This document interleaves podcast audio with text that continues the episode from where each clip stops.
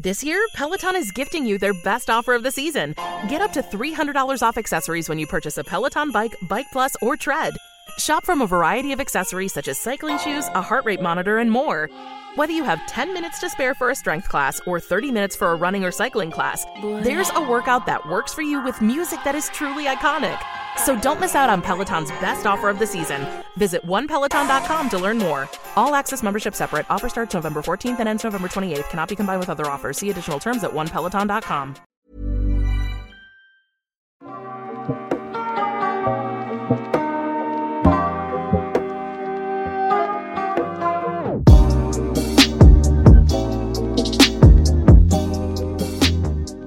Hi, my name is Rivka, and together with Wikipedia, I'll help you fall asleep. Get cozy and relax. I'll read out loud to you. Today, Kowloon Walled City A Life in a Coffin Like Home. Kowloon Walled City was an ungoverned and densely populated de jure Chinese enclave within the borders of Kowloon City, British Hong Kong. Originally a Chinese military fort, the walled city became an enclave after the new territories were leased to the United Kingdom by China in 1898. Its population increased dramatically following the Japanese occupation of Hong Kong during World War II. By 1990, the walled city contained 50,000 residents within its 2.6 hectare borders. From the 1950s to the 1970s, it was controlled by local triads and had high rates of prostitution, gambling, and drug abuse. In January 1987, the Hong Kong government announced plans to demolish the walled city. After an arduous eviction process and the transfer of de jure sovereignty of the enclave from China to Britain, demolition began in March 1993 and was completed in April 1994. Kowloon Walled City Park opened in December 1995 and occupies the area of the former walled city. Some historical artifacts from the walled city, including its yamen building and remnants of its southern gate, have been preserved there. Military Outpost The history of the walled city can be traced back to the Song dynasty, when an outpost was set up to manage the trade of salt. Little took place for hundreds of years afterwards, although 30 guards were stationed there in 1668. A small coastal fort was established around 1810 after Chinese forces abandoned Tung Lung Fort. In 1842, during Qing Emperor Dao Guang's reign, Hong Kong Island was ceded to Britain by the Treaty of Nanjing. As a result, the Qing authorities felt it necessary to improve the fort to rule the area and check further British influence. The improvements, including the formidable defensive wall, were completed in 1847. The walled city was captured by rebels during the Taiping Rebellion in 1854, before being retaken a few weeks later. The present walled city's Da Peng Association House forms the remnants of what was previously Lai and Ju's garrison. The Convention for the Extension of Hong Kong Territory of 1898 handed additional parts of Hong Kong, the new territories, to Britain for 99 years, but excluded the walled city, which at the time had a population of roughly 700. China was allowed to continue to keep officials there as long as they did not interfere with the defense of British Hong Kong. The following year, Governor Sir Henry Blake suspected that the Viceroy of Canton was using troops to aid resistance to the new arrangements. On April 14, 1899, British forces attacked the walled city, only to find the Viceroy's soldiers gone leaving behind only the Mandarin and 150 residents. The Qing dynasty ended its rule in 1912, leaving the walled city to the British. Though the British claimed ownership of the walled city, they did little with it over the following few decades. The Protestant Church established an old people's home in the old Yamen, as well as a school and an almshouse in other former offices. Aside from such institutions, however, the walled city became a mere curiosity for British colonials and tourists to visit. It was labeled as Chinese Town in a 1915 map. In 1933, the Hong Kong authorities announced plans to demolish most of the decayed walled city's buildings, compensating the 436 squatters that lived there with new homes. That same year, in 1933, the nationalist Chinese government protested against the plan and claimed jurisdiction over the city the national Chinese government continued to make claims on its jurisdiction throughout 1935, 1936, and the first half of 1937, until the war between China and Japan started. By 1940, only the yamen, the school, and one house remained. During the World War II occupation of Hong Kong, the Japanese occupying forces demolished the city's walls and used the stone to expand the nearby Kai Tak airport. Urban settlement. After Japan's surrender in 1945, China announced its intent to reclaim the walled city. In November 1946, nationalist Chinese officials created the Draft Outline Plan for Reinstatement of Administration of the area, which included an office, schools, police, and other functions. Refugees fleeing the Chinese Civil War post 1945 poured into Hong Kong, and 2,000 squatters occupied the walled city by 1947. After a failed attempt to drive them out in 1948, the British adopted a hands off policy in most matters concerning the walled city. On January 8, 1948, the nationalist Chinese government sent a memorandum to the British ambassador stating, quote, The Ministry of Foreign Affairs now formally declare to the British Embassy that, in accordance with the provisions of the said convention, the Chinese government enjoys jurisdiction over the city of Kowloon, and that they have no intention whatsoever of renouncing this jurisdiction. The British Foreign Office, on February 4, 1948, considered a variety of solutions, including turning the site into a nationalist Chinese consulate general, and ultimately recommended that the British, quote, accept the principle of Chinese jurisdiction over Kowloon walled city, but the Chinese agree to not attempt to exercise that jurisdiction in practice. End quote.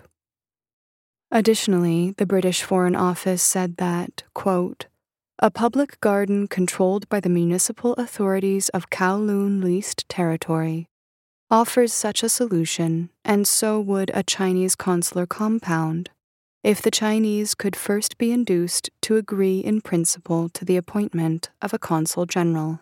In January 1950, a fire broke out that destroyed over 2,500 huts, home to nearly 3,500 families and 17,000 total people. The disaster highlighted the need for proper fire prevention in the largely wooden built squatter areas complicated by the lack of political ties with the colonial and Chinese governments. The ruins gave new arrivals to the walled city the opportunity to build anew, causing speculation that the fire may have been intentionally set. With no government enforcement from the Chinese or the British aside from a few raids by the Royal Hong Kong Police, the walled city became a haven for crime and drugs. It was only during a 1959 trial for murder that occurred within the city walls that the Hong Kong government was ruled to have jurisdiction there. By that time, however, the walled city was virtually ruled by the organized crime syndicates known as triads.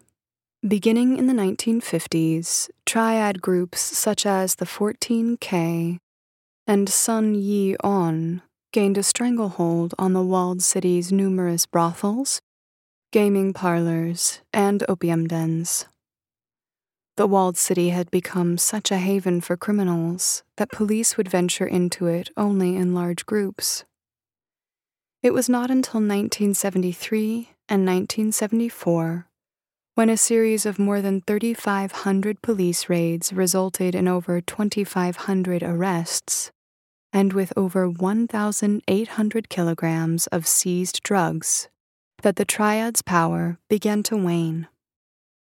With public support, particularly from younger residents, the continued raids gradually eroded drug use and violent crime.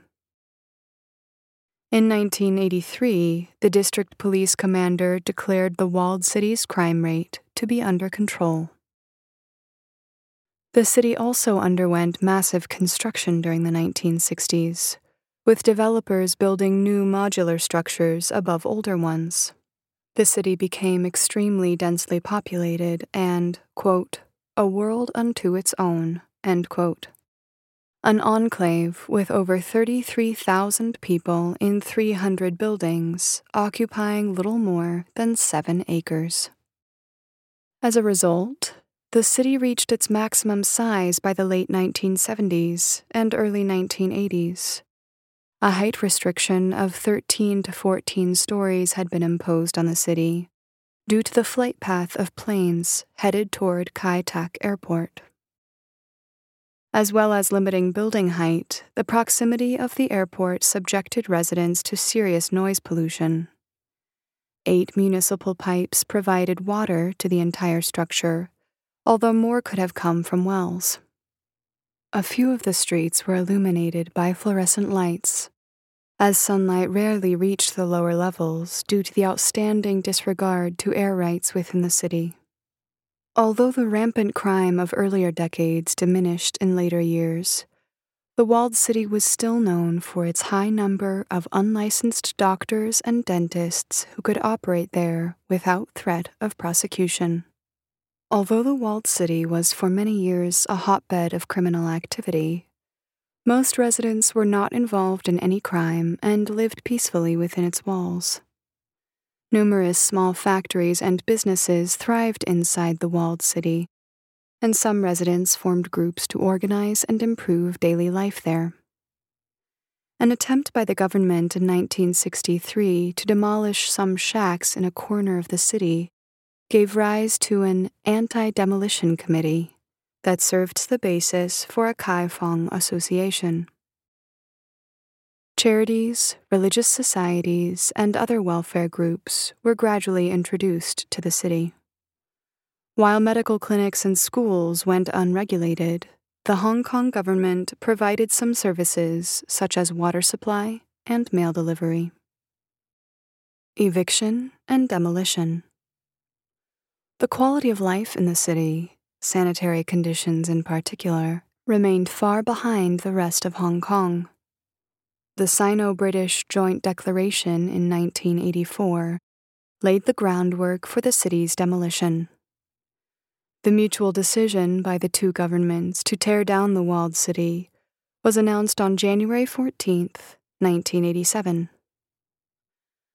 On March 10, 1987, Following the announcement that the walled city would be converted to a park, the Secretary for District Administration formally requested the Urban Council to take over the site following demolition.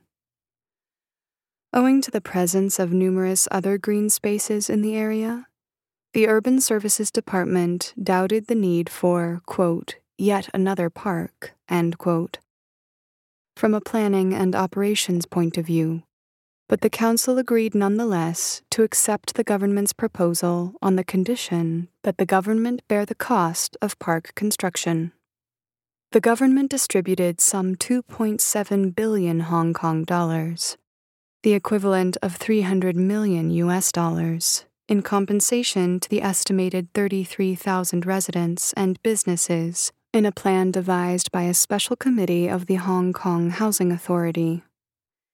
Some residents were not satisfied with the compensation and were forcibly evicted between November 1991 and July 1992. While it was deserted, the empty city was used to film a scene in the 1993 movie Crime Story. After four months of planning, demolition of the walled city began on March 23, 1993, and concluded in April 1994. Construction work on Kowloon Walled City Park started the following month. The city before demolition. The walled city was located in what became known as the Kowloon City area of Kowloon. In spite of its transformation from a fort into an urban enclave, the walled city retained the same basic layout. The original fort was built on a slope and consisted of a 2.6 hectare plot measuring about 210 by 120 meters. The stone wall surrounding it had four entrances and measured 4 meters tall and 4.6 meters thick before it was dismantled in 1943. Construction surged dramatically during the 1960s and 1970s, until the formerly low rise city consisted almost entirely of buildings with 10 stories or more. However, due to the Kai Tak Airport's position 800 meters south of the city, buildings did not exceed 14 stories. The two story Sai Tau Tsuen settlement bordered the walled city to the south and west until it was cleared in 1985 and replaced with Carpenter Road Park. The city's dozens of alleyways were often only one to two meters wide and had poor lighting and drainage. An informal network of staircases and passageways also formed on upper levels which was so extensive that one could travel north to south through the entire city without ever touching solid ground. Construction in the city went unregulated, and most of the roughly 350 buildings were built with poor foundations and few or no utilities. Because apartments were so small, a typical unit was 23 meters squared, space was maximized with wider upper floors caged balconies, and rooftop additions. Roofs in the city were filled with television antennas, clotheslines, water tanks, and rubbish, and could be crossed using a series of ladders. Demography Kowloon walled city's early population fluctuated between zero and a few hundred, and began growing steadily shortly after World War II. However, there is no accurate population information available for much of the walled city's later existence. Official census numbers estimated the walled city's population at 10,004 in 1971 and 14,617 in 1981, but these figures were commonly considered to be much too low. Informal estimates, on the other hand, often mistakenly included the neighboring squatter village of Sai Tau Tsuen. Population figures of about 50,000 were also reported. A thorough government survey in 1987 gave a clearer picture. An estimated 33,000 people resided within the walled city.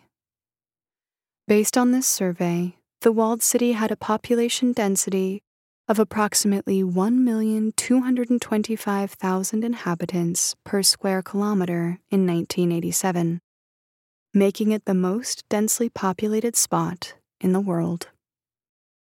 Culture In response to difficult living conditions, residents formed a tightly knit community, helping one another endure various hardships. Within families, wives often did housekeeping while grandmothers cared for their grandchildren and other children from surrounding households. The city's rooftops were important gathering places, especially for residents who lived on upper floors.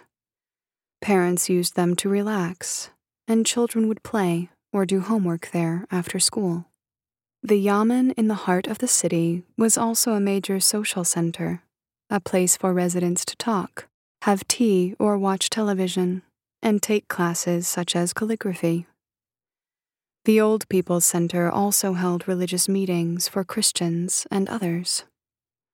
Other religious institutions included the Fuk Tak and Tin Hau temples, which were used for a combination of Buddhist, Taoist, and animist practices.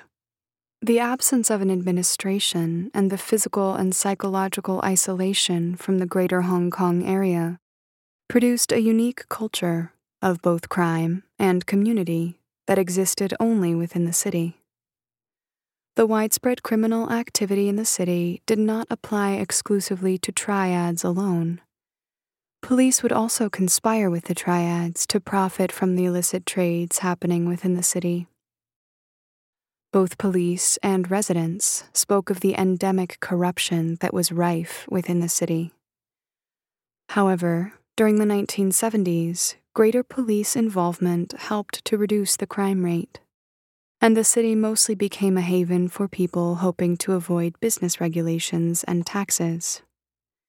Thus, the city developed a form of anarchic urbanism, in which the physical proximity led to a cultural interconnectedness and reliance between community residents, which has contributed to its modern appeal. While the city was shunned in its early existence, it has now become a point of pride for many Hong Kong residents alike. The rising publicity around Hong Kong following the 1997 handover sparked a reemergence in the public interest of Kowloon Walled City and its disappearance. And the cultural memory of the space has become more sanitized, with crime and corruption in the background. In the modern era, the city has begun to be portrayed with a romantic dystopian identity, and many forms of modern media have borrowed the city's culture in their own works. Kowloon Walled City has experienced a second life in which many popular media and game outlets portray the city in a more nostalgic and romanticized version.